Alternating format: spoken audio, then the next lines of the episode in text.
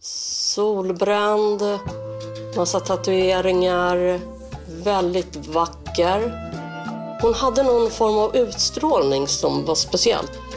Jag förstår Katja att hon föll pladask.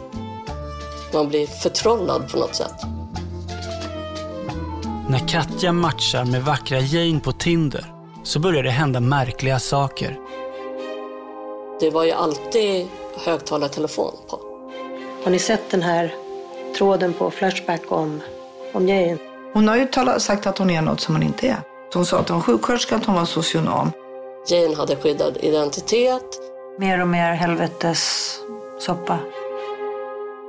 I en kärleksrelation råder det egna lagar.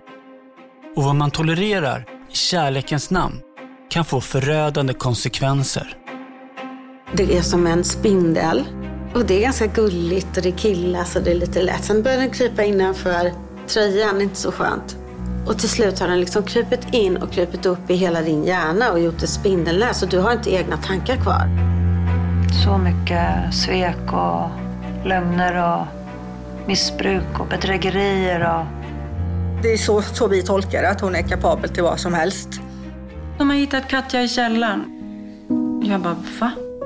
Ja, det var så ofattbart. Vi vet inte vad som hänt. Och det är väl klart att det finns funderingar. Vi har ju förhöret här. Det här är en chock för mig. Jag vet inte vad det kan vara för vittnesuppgifter ni har. 23 januari kommer Dirty Jane gå att lyssna på där poddar finns.